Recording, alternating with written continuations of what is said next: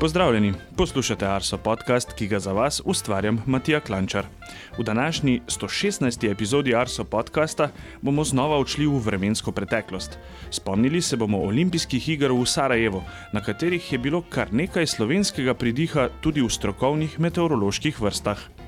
Na naš podcast se še vedno lahko naročite. Poiščete nas lahko v vaši najljubši podcast aplikaciji ali na Spotifyju, najdete nas tudi direktno na naši spletni strani. Če vam je podcast všeč, povejte še drugim. V stik z nami pa lahko stopite preko elektronskega naslova podcast.arsoafnago.si. Seveda smo prisotni tudi na družbenih omrežjih, kjer z veseljem delimo vaše storije ali se z vami pogovarjamo o vremenu. Na X-u smo Meteosi, na Facebooku, Instagramu in Threadsih pa nas najdete pod imenom Arso Vreme. Osrednja tema. V teh dneh se po športnih portalih, tako doma kot drugod po Balkanu, spominjajo olimpijskih iger v Sarajevu leta 1984.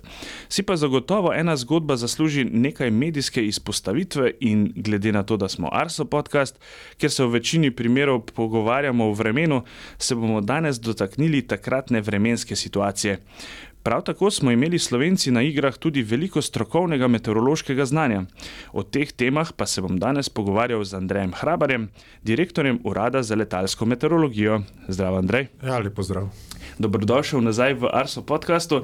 Hvala. In kar se mi zdi drugač, da se vedno najdeva v nekih športnih temah. Ja, res je. Ja. Mislim, da sem imel eno, en podcast na temo preiskovanja letalskih nesreč. Ja, res je. Takrat ob nesreči Kobija Branata in helikopterski nesreči. Tako je. Uh, tudi sam se zelo rad pogovarjam, poleg vremena, tudi o športu. In današnja tema mi je še posebej pri srcu. Uh, sicer bova šla še pred uh, čas, ko sem se sam rodil.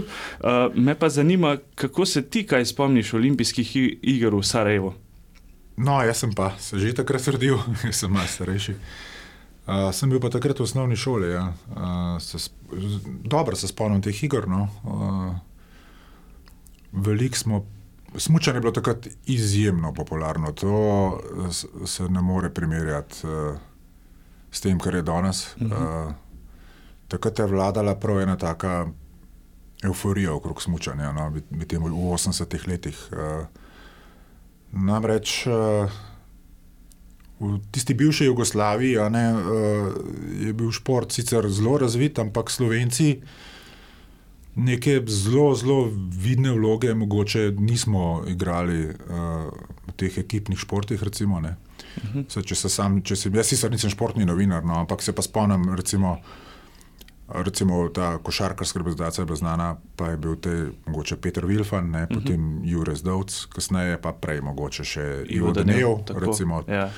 Nogometna, vem, da je bil Srečko Katanec, uh -huh. reprezentant Jugoslavije, pa uh -huh. ne, ne bil še Jezner. Ne, ne, ne poznam vseh teh, ampak ja. oblak, recimo. Ja.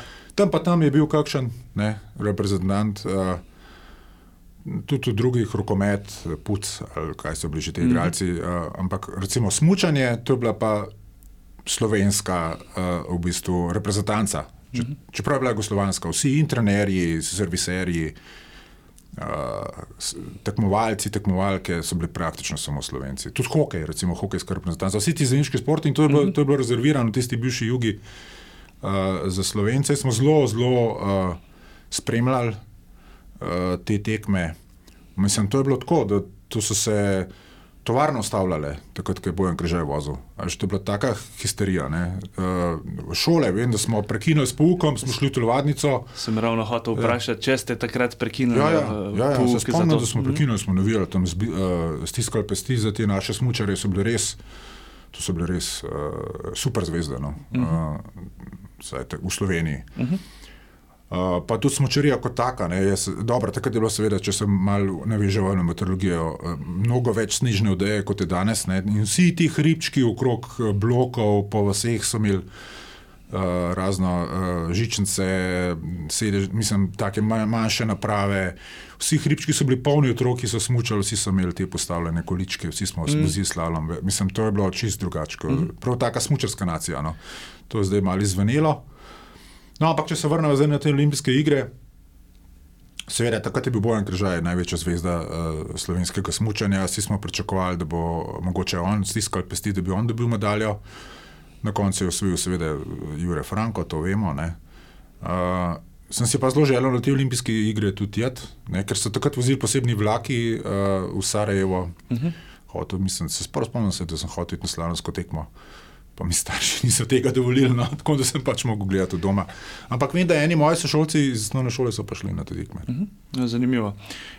Jaz se sicer pač spomnim samo po pripovedovanju ali pa v pogledu kakšnih posnetkov. Uh, meni je predvsem se vtisnil v spomin pa glasba iz, uh, iz umetnostnega drsanja. Ja, bolero. bolero to, je, to je res ja. ena izmed takih klasičnih pesmi, ki ja. se mi je vtisnila v spomin že kaj malo v otroštvo. No, tako ja. da se to povezujem, uh, te olimpijske igre s tem. No. no, pa še ena stvar je mogoče, ker zdaj je veliko govora o teh sarajevskih olimpijadih. Uh mhm. -huh. Takrat je uh, tudi za presego imenu športnikov Bojan Kržaja.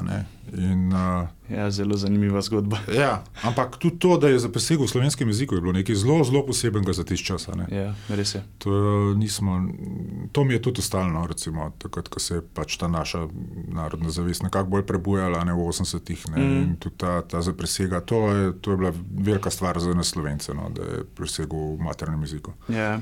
No, in če se sedaj najprej dotaknemo same vremenske situacije tistega časa, kaj se je sploh dogajalo, kakšna je bila ta malce širša vremenska slika med 8 in 19. februarjem 1984.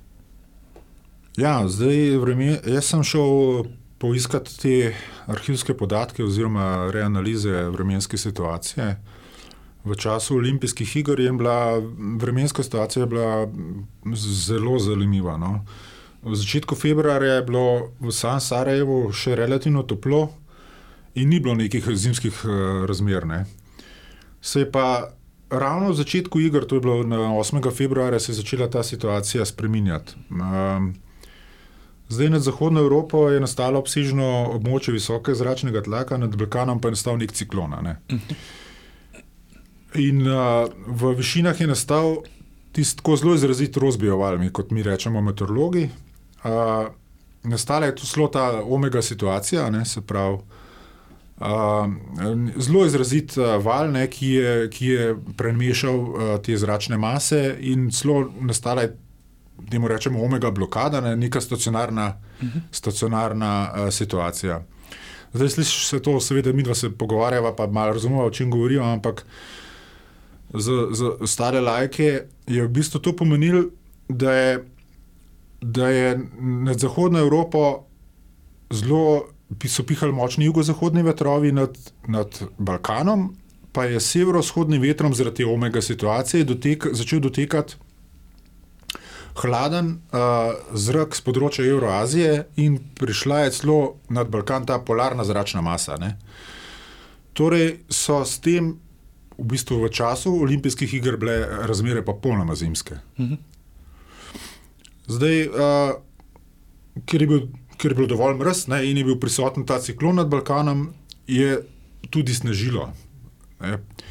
In v San Sarajevu je začelo snežiti uh, potem 9. se pravi en dan po začetku olimpijskih iger popovdne, najmočneje je snežilo pol 10. in 11. februarja, In uh, je zapadlo toliko snega, da so 12. februarja, takrat zjutraj, ko se izvajo te uh, standardne meritve snežne odeje, so v Sarajevu izmerili kar 48 cm debelo snežno odejo. Ne, to je ta zdaj tista legendarna zgodba, kako so Sarajevčani, uh, ne vem, če si jo že slišal, uh, uh -huh. čistili ulice, kidali sneg, uh, pripravili uh, vse potrebno. Uh, zdaj neke urbane legende so, da se je to zgodilo en dan pred odprtjem olimpijskih iger, ampak če pa pogledamo te uh, podatke meteorološke postaje, pa vidimo, da je bilo to v bistvu takoj po začetku mm -hmm. olimpijskih iger, oziroma na začetku olimpijskih iger, je dejansko zapadlo zelo velik snega. In, uh, in potem, je, uh, potem je to zimsko vreme ustrajalo vse do konca iger, no? ta res uh, tako pravo zimsko vreme. In zanimivo, no, uh, takoj po končanju iger pa je ponovno prišla od juga in že 25. februarja je bil Sarajevo spet brez snežne odeje. No. Tako da so. Mislim, tudi vreme je, je šlo na roko teh zimskih olimpijskih iger, bi rekel. Ja, vseeno, nekaj sreče mora biti tudi s temi vremenskimi situacijami, ja. da se vse to izide. Uh, morda za poslušalce, omenil si prej omega blokado, uh, večkrat recimo tako razlagamo tudi te vremenske pojave ali pa pokažemo kakšno ja. vremensko karto na družbenih omrežjih. Uh, če bi videli tisto višinsko karto, ki jo radi damo gor na tistih uh, znamenitih 500 hektopaskalih, ja, ja. uh, bi lahko videli eno obliko tega vala v obliki. Grške črke omega. In o tem je Andrej danes lepo uh, povedal, kakšna je tak, takratna trenutna situacija nad Evropo. Uh, morda še navezava uh, na Slovenijo v tistem času, od 9. do 11. februarja ravno tistega leta 1984 smo imeli pri nas v Sloveniji res izjemen karavanški fen. Ja. Takrat je res uh, podiralo drevje uh, na Gorenskem, tudi v severnem primorskem, in o tem smo pisali uh, ravno. Um, Ob obletnici, tako da malo pobrskate po naših družbenih kanalih, zelo zanimiva zgodba. Če se vrnemo nazaj v Sarajevo in pa na same meteorološke podatke, torej to je bila precej bolj primerna zima, kot smo jo pa konec koncev vajeni tudi v teh letih. Ja, seveda. Ja. Uh, tudi temperature. Če, uh, no, uh, zdaj, se pravi, pred samimi olimpijskimi igrami v Sarajevo ni bilo snega. To pa uh, sem pa poiskal tudi izbrsko podatke uh, okoliških meteoroloških postaj. Recimo, ena je mhm. prav na Bjeljašnici, okay. to je na tej gori, kjer je bila tekma smuka. Zdaj, ta otroška postaja je celo na višini čez 2000 metrov, ne, se pravi, primerljiva z našo kredalico. Recimo, ne, eh, no, in na, na Belašnici sami uh, je bila pa snežna odeja že prisotna tudi v februarju. Ne, oni, na, na, na sami gori je bilo uh, že v začetku februarja čez en meter snega, potem pa je zapadlo še tega dodatnega pol metra, ne, tako da je bila snežna odeja na Belašnici sami debela kar meter in pol. In zaradi tega hladnega zraka se je potem sneg tudi obdržal, celo na smrekah. Ne, če pogledaš tiste stare arhivske posnetke, vidiš to zimsko idilo, ne, ki je vladala takrat na Jahorini, uh -huh. uh, Igmanu, kjer so bile te tekme, pa tudi na Bilašnici. Uh, zdaj, kar se pa temperatur tiče, je bilo pa, uh, je pa, kot sem že omenil, je prišla ta ohladitev po 8. februarju. In v samem Sarajevu se uh, temperatura ni več dvignila nad ledišče, vse do zaključka iger. Ne. Se pravi, vsta čas uh, teh 10-11 dni, ko so igre trajale, so bili ledeni dnevi, ne, kot mi temu mm -hmm. rečemo. Yeah. Ja. Meteorološko se pravi, temperatura ni šla nad nič stopinj Celzija. Uh, najbolj mrzlo dan je bil 14. februar, ko je bila jutranja temperatura celo blizu minus 15 stopinj Celzija, uh, maksimalna pa ni šla nad minus 3. No, uh, seveda, še bolj zimske razmere so bile pa na Belašnici, kjer je bila temperatura zelo redko više od minus 10 stopinj Celzija. Najbolj hladen dan je bil 14. februar, ko je bilo zjutraj minus 19 stopinj in pol. Ne. Najvišja dnevna pa samo minus 17, se pravi, spoh ni šlo nad minus 7. No, poleg tega, če računaš, da je bilo nekaj severovzhodnega vetra, so bile razmere res mhm. zimske. Mm -hmm in so morali organizatori mm, kar, kar eh, se potruditi, da so eh, ostali na toplem, pa tudi tekmovalci, verjetno pa vsi spremljevalci. Ne. Zdaj podatkov za, za Jahorino, pa za Igman, žal nimam. Tam na Igmanu je potekal ta nordijski del olimpijskih iger. Ne bi bil presenečen, glede na to, da gre za visoko planoto, podobno kot je naša, recimo naše bloke ali pa pokluka, uh mhm. -huh. da so bile tam jutranje temperature še niže. Še niže zaradi ja, kakšnega mraza. Zaradi teh mhm. mrazišč in teh. Tako da Je bilo zelo, zelo zimsko. No. Tako prave, prave olimpijske igre, zimske. Ne. Recimo, sam veliko krat uh, rad poslušam kakšne debate tudi okrog serviserjev in pa kako se mogoče na takšne zimske razmere. Uh, Ki so zelo povezane z vremenom, uh, tudi v bistvu ta strokovne službe, kako se pripravljajo. Tako da bi bila kar zanimiva zgodba tudi okrog tega. Uh, no, pa morda um, omenil sem, da bo danes ključna tema današnjega pogovora. Uh, meteorološki strokovni pridih olimpijskih iger. Um, saj smo imeli kar nekaj kolegov uh, na licu mesta v Sarajevu, in je res, da smo imeli tudi tam šefa meteorološke službe. Ja, drži. Ja. Je, uh, veliko se govori te dni, ne, ker je pač ta obletnica teh iger uh -huh. o mhm. prispevku slovencev ne, k tem olimpijskim igram. Vsi poznamo te zgodbe, da je uh, maskoto je naredil slovenec, to učkota, ne, pa uh mhm. -huh. kako so veliko naših uh, ljudi pomagali pri teh olimpijskih igrah. Uh, Zelo redki pa vedo, oziroma je pa prav, da tudi javnost to zve, da je tudi bil slovenec, slovenski meteorolog, zadolžen za kot vodja meteorološke, uradne meteorološke službe olimpijskih iger. Ne. To je bil uh, žal že pokojni Mirko Kovač, uh -huh. uh, vodja meteorološke službe, dolgoletni vodja meteorološke službe na letališču Brnik. Uh -huh. Je mu kdo pomagal? Ja, zdaj. Uh, Mirko Kovač uh, si je lahko zbral svojo ekipo uh, in med drugim je poklical še enega slovenskega motorologa, žal tudi že pokojnega Mirana Ferlara, njegovega kolega uh, z letališča na Brniki. Ona dva sta bila dva izmed motorologov, ki sta sodelovala pri organizaciji te meteorološke službe v času uh, olimpijskih iger. Mirko je bil uh, vodja, uh, Miran je bil takrat mlad meteorolog, uh -huh. uh, ki je sodeloval uh, uh, pri tem. Pa še tretji meteorolog, legendarni uh, TV napovedovalec vremena, uh, žal tudi že pokojni Miran Trontal, je bil tudi uh, udeleženec teh olimpijskih iger, ampak v drugačni vlogi, po podatkih, uh, je bil. Uh, kot sodnik na, na nordijskih tekmah, se mi zdi prisoten, ja, ne pa tako, kot motorlog. Tako je, ja. kar zanimivo, da drugače, kako eh, vse te poti, kako so povezane, oziroma kako majhen svet je in kaj v bistvu vse delamo, delajo meteorologi tudi v svojem prostem času. Ja, ja. Veliko jih je kar povezanih s športom.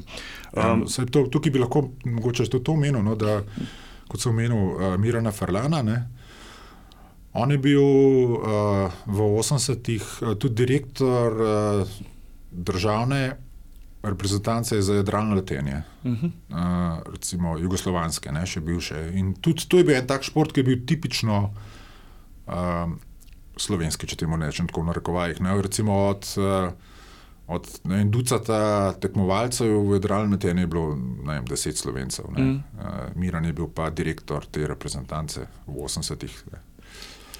Uh, morda si kje zasledil, kako sploh je prišlo do tega, da je slovenec uh, zavzel to mesto šefa meteorološke službe na samih olimpijskih igrah, ko pa morda vemo, drugač, da takrat še v Jugoslaviji je v Beogradu bil precej ja. močnejši, večji center, center. meteorološki. Ja. Um, kako je mogoče prišlo do tega? Ja, uh, jaz sem poskušal pridobiti informacije od. Uh, pač teh eh, kolegov, ki, eh, ki so takrat eh, delali z pokojnim Mir, Mirkom in pa tudi Miranom, ampak zdaj točno zakaj je bil on izbran, ne, ne vemo, ampak lahko si pa predstavljamo. No. Zdaj, treba je dati, najprej treba postaviti en okvir, veš, te zgodbe. Zdaj, a, Jugoslavija,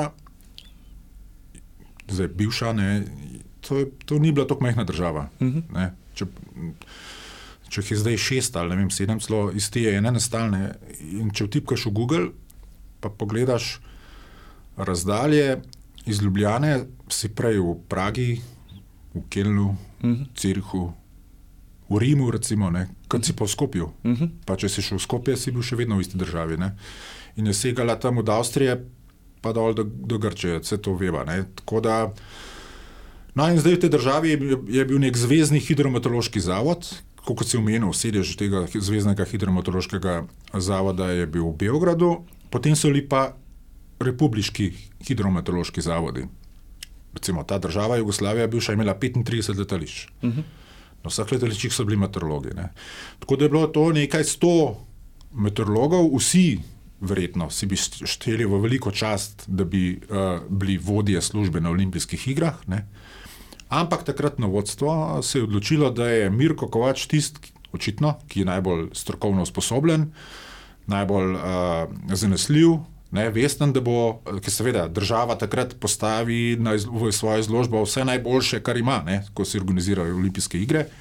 In, in so izbrali pač med nekaj sto, verjetno, kandidati, ravno Mirka, uh, uh, mu seveda. Uh, dali to nalogo, da prav veliko zbire, verjetno ni imel, ne? ampak sej, kdo pa bi se branil take naloge, ne, Ja, je. noben od nas. Eh, In je potem šel za teh 14 dni uh, v Sarajevo in uh, seboj je vzel uh, pač še Mirana Ferlana kot mm -hmm. pomoč. Mogoče, mm, kako pa je potekal, uh, potekalo delo? Imaš mogoče kakšen ta podatek? Ja, uh, zelo podobno kot danes, ko, organiziramo kakšne, ko smo mi zraven pri organizaciji kakšnih velikih športnih dogovor, dogodkov. Vemo, da, smo, da je ne, kolega Jurek Jerman uh, vedno v planici, recimo, ko so poleti. Res je.